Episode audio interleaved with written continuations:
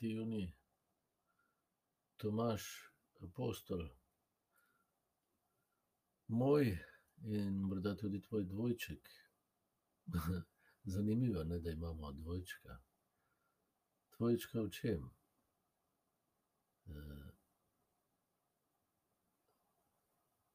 v dvomu, pa tudi v izražanju vere. Najprej dvomi, ne. Njegovih enajst bratov so prav tako krhki kot on, ga ne more prepričati, da je Jezus res vstal iz te grozne klavnice na križu in vsem mučenju, ki ga je prej doživel v nasilju. No, ampak apostoli Tomaža mirno sprejmejo takega, kot je, dvomljivca. In, Tomaž, ki je Jezusa dobro poznal, želi samo en dokaz postojeni. Če so znamenja njegovih ran, potem je resnično on.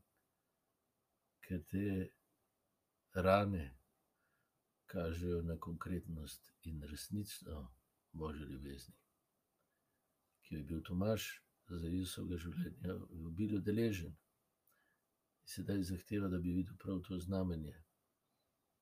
No, zate in zame je to lahko spodbuda, da prepoznamo, da prepoznava božjo ljubezen do tega sveta v ranah, ranjenih tega sveta.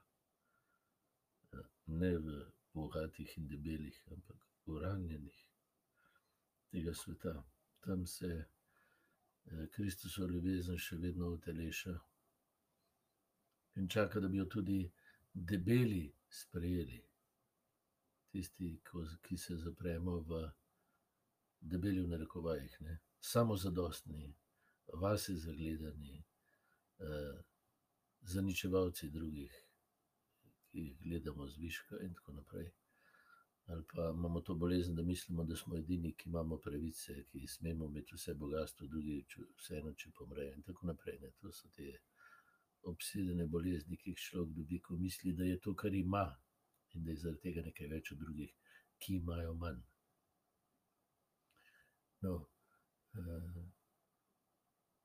torej Jezus pa me čaka, če sem tak bogataš, v narekovajih, prav v ranjenih tega sveta, da mi pokaže, da je njegova ljubezen zajela tudi moje srce, ki je hladilnik in ne zna biti z nikomer. Da bi me naučil, da bi me objel, da bi se upal pustiti objeti, tako kot Tomaž, ranam, ki so dokaz tega, da je moje pa tvoje nasilje sprejel, da ga ni vrnil. Da smo že ozdravljeni, po domače. Zato lahko reče: "Moj Gospod in moj Bog."